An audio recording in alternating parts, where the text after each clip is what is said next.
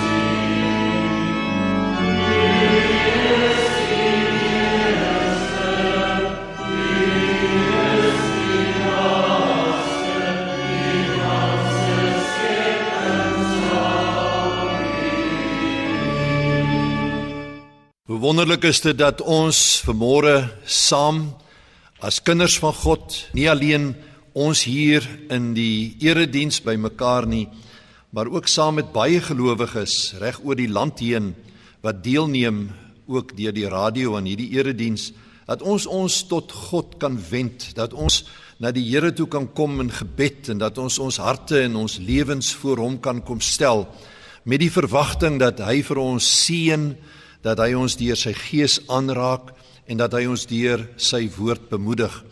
So kom ons bid saam. Wonderlike hemelse Vader, wat 'n groot vreugde en voorreg om in u teenwoordigheid in te kom.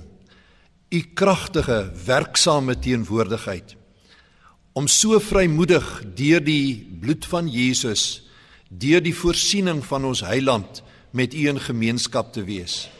Here ons aanbid U.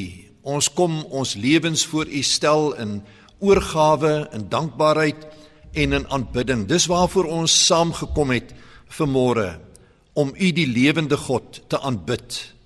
Om ons liedere vir U te sing. Om ons oordeenking van U woord te berei en dit in U teenwoordigheid te kom doen. Ons kom na U toe Here omdat ons aan U behoort. U het ons by die naam geroep en u het gesê jy is myne. Uh oorweldigend diep u woord wat sê voor die grondlegging van die wêreld het u vir ons geroep en gekies en by die naam u eie gemaak. Here, dis waarom ons vanmôre so tuis voel in u teenwoordigheid. Dis waarom dit vir ons so besonder is om net ons harte en lewens hier voor u te kom stel. Kom bedien ons deur die werking van u Heilige Gees. U ken ons elkeen, Here. U weet wat ons behoeftes is. U weet dat sommige van ons het troos en versterking nodig. Ander het regtig u aanraking tot genesing nodig.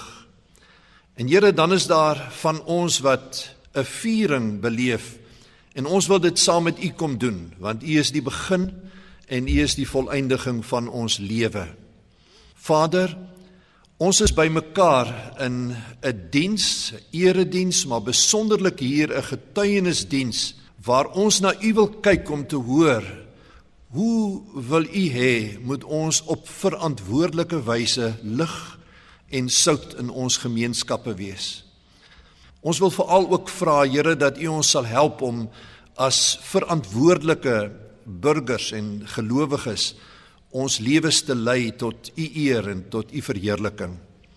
Vanmôre Here wil ons vir U vra help ons dat ons gevul sal wees met U Heilige Gees want U het gesê julle sal krag ontvang wanneer die Heilige Gees oor julle kom en julle sal my getuies wees in Jerusalem en Judea sowel as in Samaria en tot in die uithoeke van die aarde.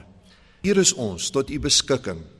Lei ons en gebruik ons soos dit u behaag. En nou vra ons u Here, berei ons harte voor om ook net u woord oop te maak en ook vanuit die perspektief van u woord 'n venster op die wêreld te kry soos u vandag deur u gees werksaam is in ons tye. Ons vra dit met verwagting in Jesus se naam. Amen. Nou ek wil baie graag vanmôre vir u nooi om saam met my te kom kyk wat God doen in sy wêreld. En ek wil dit doen aan die hand van 'n gedeelte in 2 Korintiërs hoofstuk 2 daarvan af vers 12 tot by vers 17. Is interessant dat Paulus as hy skryf aan die gemeente van Korinte, dan skryf hy baie keer met bekommernis. Hy skryf met besorgdheid oor die gemeente. Daar is 'n plek wat vir ons ook 'n aanduiding gee dat Paulus het die las van die gemeentes op hom gedra terwyl hy hierdie groot roeping van God gehad het om as 'n apostel na die heidene te beweeg met die evangelie, het hy hierdie las van die gemeentes baie keer gehad wat vir hom amper soos 'n rem aan sy voete was. En dit vind jy ook hier in hierdie gedeelte. Nou wil ek hê jy moet mooi oplet dat hier is 'n draaipunt in hierdie skrifgedeelte. Hy begin en dan is dit of daar 'n swaar wolk oor Paulus se gedagtegang hang en dan skielik breek dit deur en vind jy hierdie oorweldigende loflied vir die triomf van God. So lees saam met my vanaf vers 12 in 2 Korintiërs hoofstuk 2. Toe ek in Troas gekom het om die evangelie van Christus daar te verkondig, het die Here die deure vir my wyd oopgemaak. Tog het ek nie gemoedsrus gehad nie, omdat ek my broer Titus nie daar gekry het nie. Daarom het ek van die mense daar afskeid geneem en Macedonië toe vertrek. Maar aan God die dank. Skielik breek hy los in hierdie lofprysing Hy voer ons altyd saam in sy triomftog omdat ons een is met Christus. Deur ons versprei hy die kennis van Christus oral soos 'n aangename geur. Ons is die wierook wat deur Christus vir God gebrand word, waarvan die geur die bereik wat gered word sowel as die wat verlore gaan. Vir die wat verlore gaan, is dit 'n doodsreuk wat dood bring. Vir die wat gered word, is dit 'n lewensgeur wat lewe wek. En wie is tot sulke dinge in staat? Ons, omdat ons nie is soos baie ander wat geld maak uit die woord van God nie.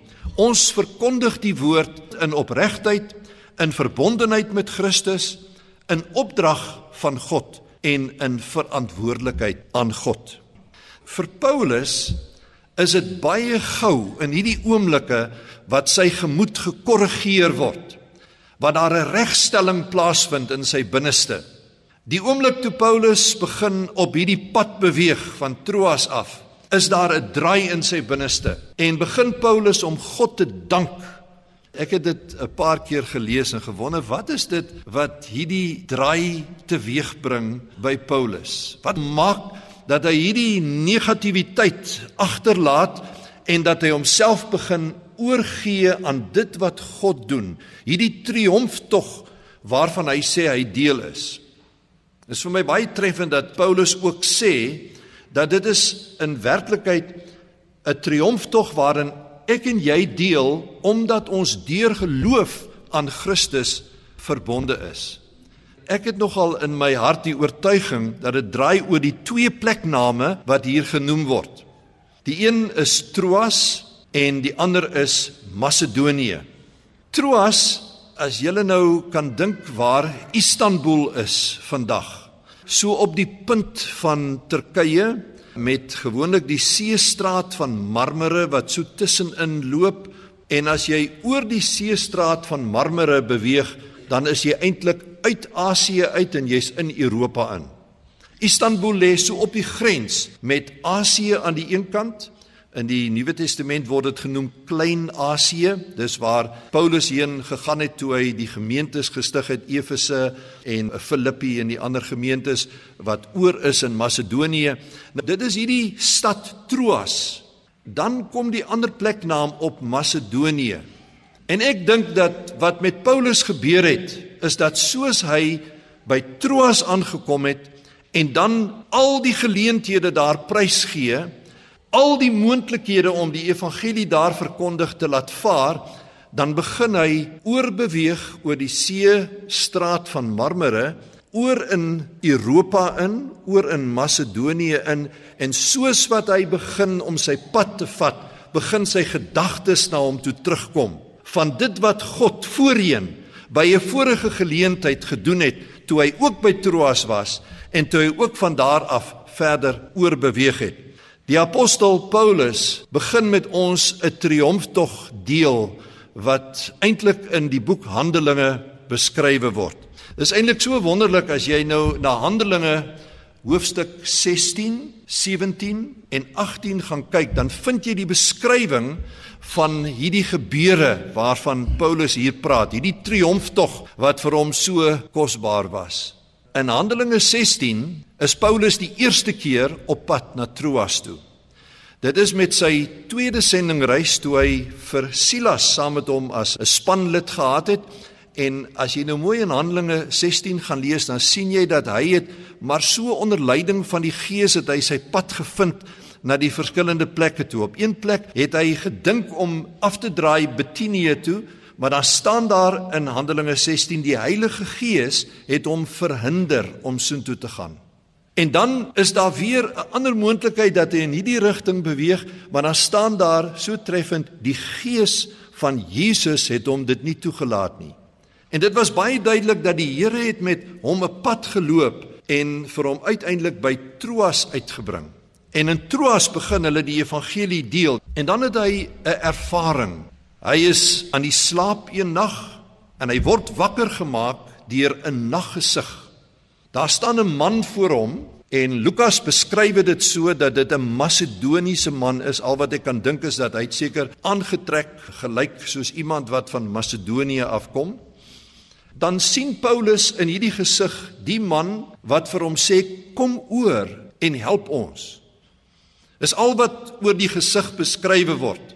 Maar dit het genoeg van 'n impak in Paulus se lewe gehad toe hy die volgende oggend opstaan, het hy sy span bymekaar geroep. Hy het vir hulle gesê: "Ons beweeg oor die see van Marmara, ons gaan Europa toe, ons gaan Macedonië toe beweeg." En dan begin die span oorbeweeg. En dis waar die triomftog vandaan kom in sy gedagtegang. Dis waar die herinnering kom van dit wat God op 'n vorige geleentheid gedoen het. Weet jy baie keer moet ons so bietjie in die geskiedenis net so jare wat teruggaan en net gaan luister en net gaan dink en net gaan kyk wat het God in en deur ons bediening vermag. Die eerste stad waar hulle by aankom is die stad Filippi. En buitekant die stad was daar 'n plek waar die vroue hulle wasgoed gewas het en daar vind hulle vir Lydia, die purperverkoopster. En hulle lei haar na Jesus en saam met haar word haar hele gesinnetjie gedoop. Dan gaan hulle in die stad in, in Filippi en daar begin hulle die woord deel, maar hulle loop hulle rieme styf en hulle beland in die tronk. En die nag as hy en Silas in die tronk sit met hulle rug stukkend geslaan, dan sit hulle sing hulle. En dan in die nag is daar 'n aardbewing wat die deure van die gevangenis laat oopswaai. God se teenwoordigheid by hulle. Dit was vir Paulus so oorweldigend. Hy het geweet die Here is saam met ons op hierdie pad. Die tronkbewaarder wil 'n einde aan sy lewe maak en Paulus sê moenie iets doen aan jouself nie. Ons is almal hier, ons het nie weggegaan nie. En die Here gee vir hom die guns om die nag die tronkbewaarder en sy hele huisgesin na Christus te lei. En so loop die triomftog. Van Filippi af gaan hulle verder na Tessalonika toe. In Tessalonika is daar mense wat tot geloof kom. Jode, sommige Jode sê Lukas vir ons het tot geloof gekom. Baie Grieke het tot geloof gekom. Vooraanstaande vroue het tot geloof in Christus gekom. Met ander woorde, die golf van seën rus op hulle lewens. Van Tessalonika gaan hulle na Berea. En in Berea is die mense so oop en ontvanklik vir die woord dat 'n groot klomp Grieke tot geloof in Christus kom. Hulle beweeg verder na die stad Athene wat die hoofstad van die filosowe was en daar is sommige wat met hulle spot toe hulle begin vertel van Jesus. Maar dan is daar baie ander wat glo. Eintlik staan dit daar in Handelinge, sommige het geglo. Dis al wat van belang is. Al is dit sommige tussen die groot skare wat spottend is, God is hier teenwoordig. God is besig om in mense se harte en lewens te werk. En so beweeg hulle dan oor totdat hulle uiteindelik met die tweede sendingreis van Paulus tot by Korinte kom. En weet jy wat sê Handelinge 18 vir ons? Dit sê dat Paulus en sy span het vir 18 maande in Korinte gebly. Hulle het eers begin met die Jode in die sinagoges deel Maar toe hulle begin om teestand van die Jode te kry, het hulle na die heidene toe uitbeweeg. En toe begin daar 'n gemeente tot stand kom. 'n Groepie van disippels wat gevorm word en wat Jesus liefhet en wil dien en 18 maande lank bou hulle in hulle lewens in. Dit is die triomftog wat na Paulus toe terugkom toe hy nou hier by 'n later geleentheid van Troas weer dieselfde pad oorloop om die krisis, die negativiteit wat in Korinte was, te gaan hanteer.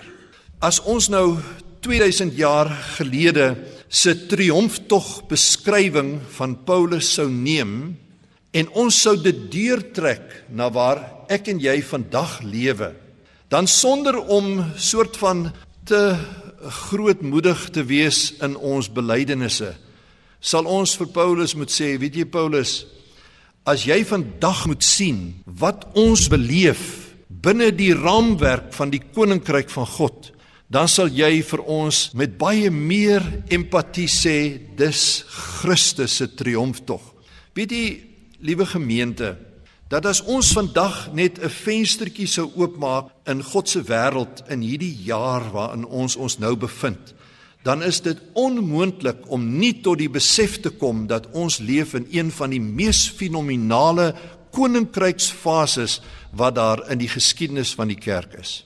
Ons is natuurlik bevoorreg vandag dat ons nie alleen al die inligting beskikbaar het, met ander woorde jou statistiese ontledings en goed wat beskikbaar is nie, maar boonbehalwe dit het ons vandag ook te make met 'n media revolusie wat deel van ons ervaring is. Ons besef dit nie altyd nie, maar ons het al die tegnologie tot ons beskikking en die koninkryk van God word deur dit op baie plekke tot openbaring gebring.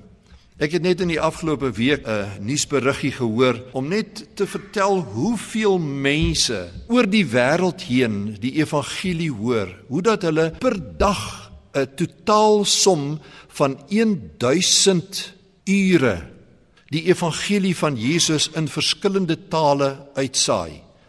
Daar is op die oomblik 'n baie groot aksent wat gelê word op die orale kommunikasie van die evangelie omdat ons nou na al die jare tot die besef gekom het mense lees nie so maklik nie.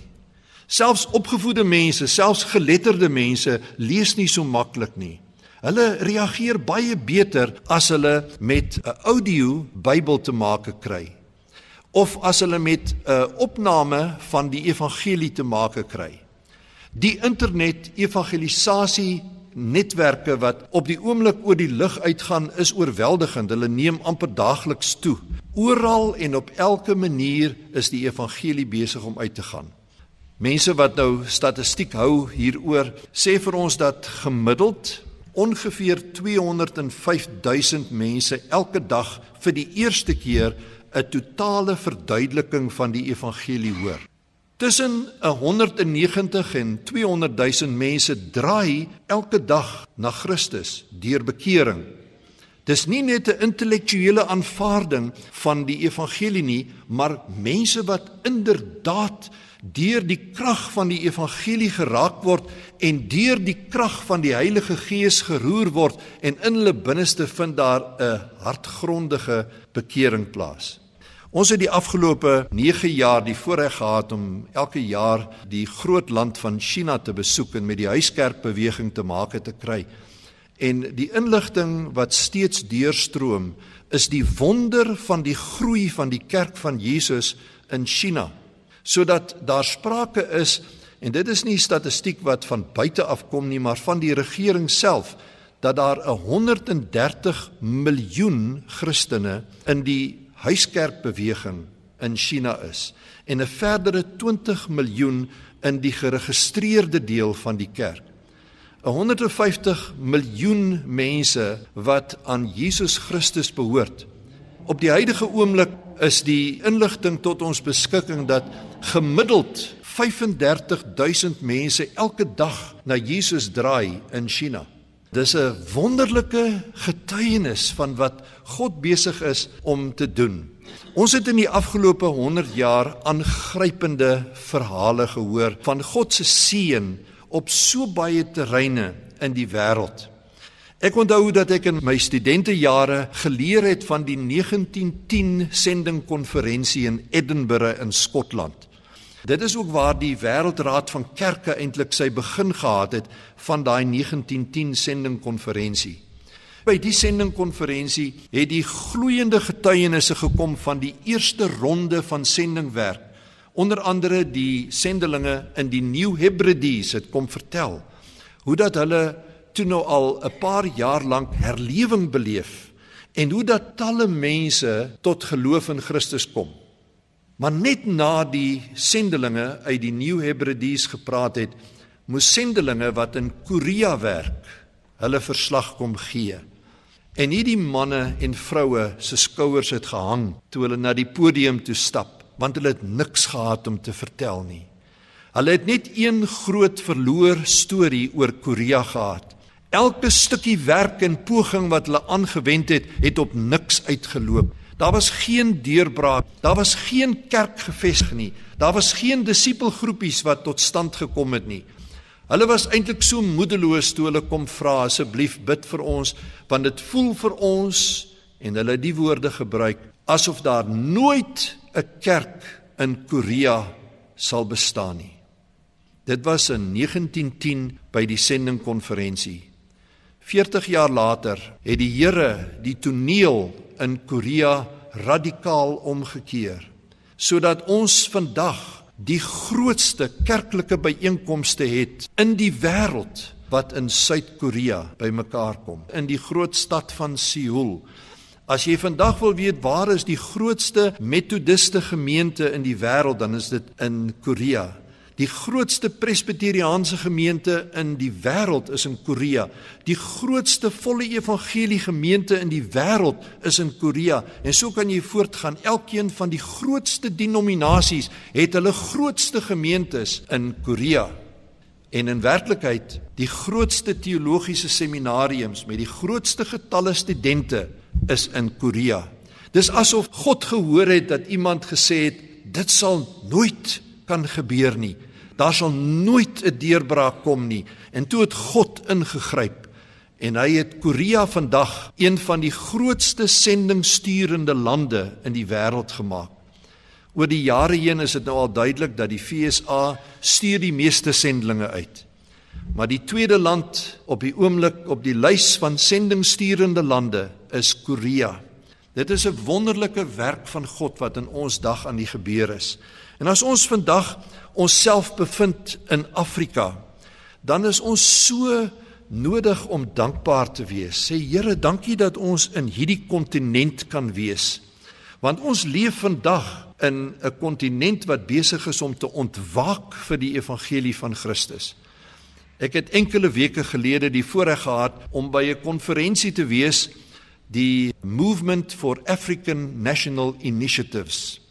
En dit was 'n streeks byeenkoms vir die suidelike Afrika leiers en ook die eilande van suidelike Afrika, Madagaskar, Mauritius, die Comores en ons het getuienisse gehoor van Afrika leiers wat 'n passie het vir God se missie wat aan die brand is om hulle gemeentes tot beskikking van die Here te stel.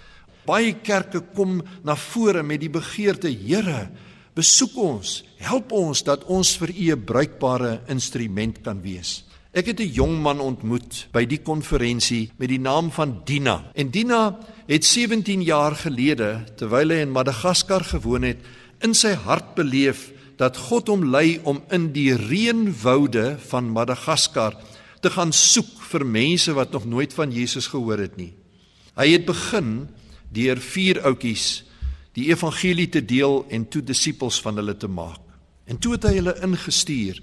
Later was daar 'n groter groep. Hulle het met GPS toerusting ingegaan en gaan uitvind waar woon die mense in die reënwoude van Madagaskar 17 jaar gelede. Tot op hede het Dina met sy gehoorsaamheidsbediening van disippelskap reeds 4500 gemeentes in die reënwoude van Madagaskar geplant.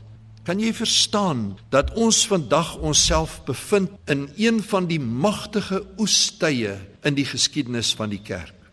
As ons die kerk se geskiedenis sou neem van sy begin tot hier waar ons nou is, dan het in die afgelope 100 jaar 70% van die groei wat in die kerk in totaliteit plaasgevind het, die afgelope 100 jaar plaasgevind.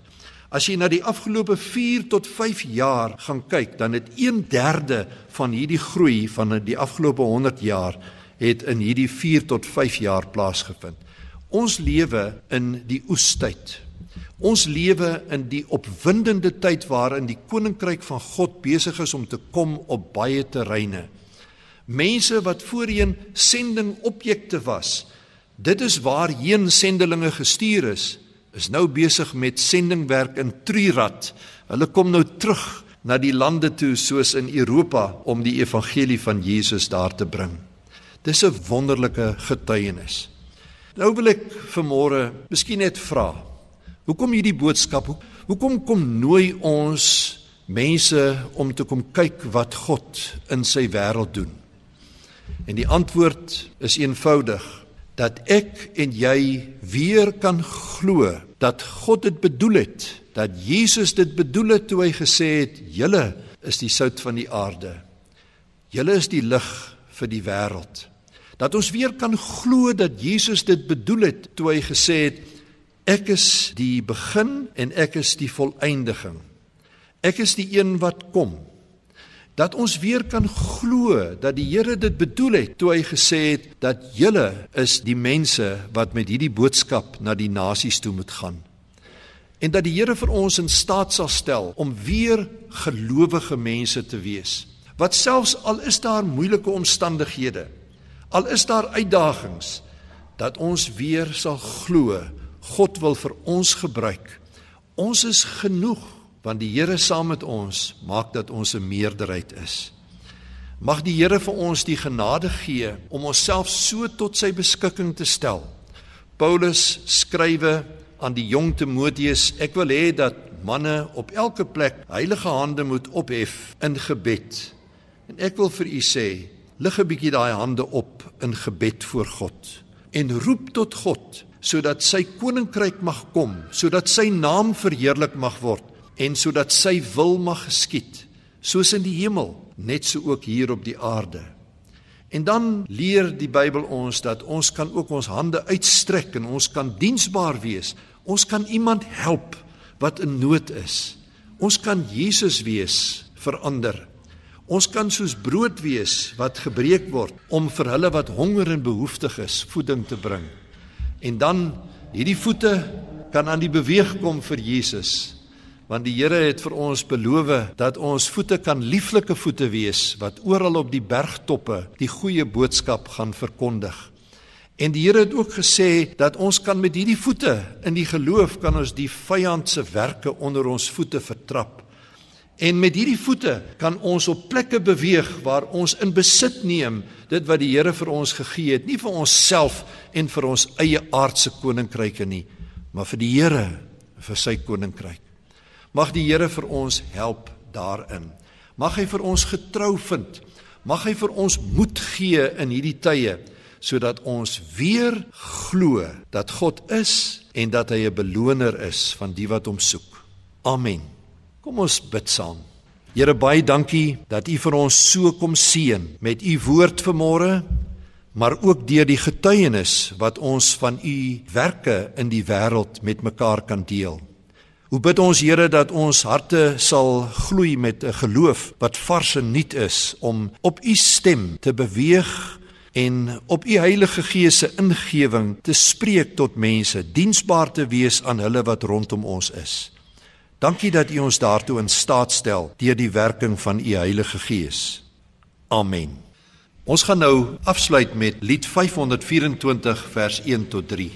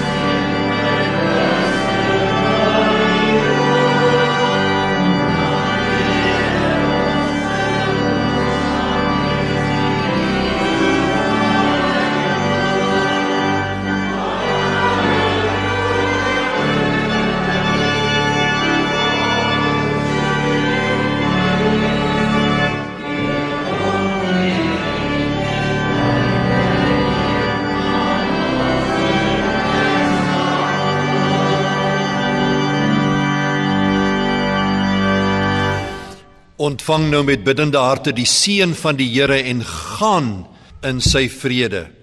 Die genade van ons Here Jesus Christus, die liefde van God ons Vader en die kragtige, seënryke gemeenskap van die Heilige Gees bly op ons rus en deur ons werk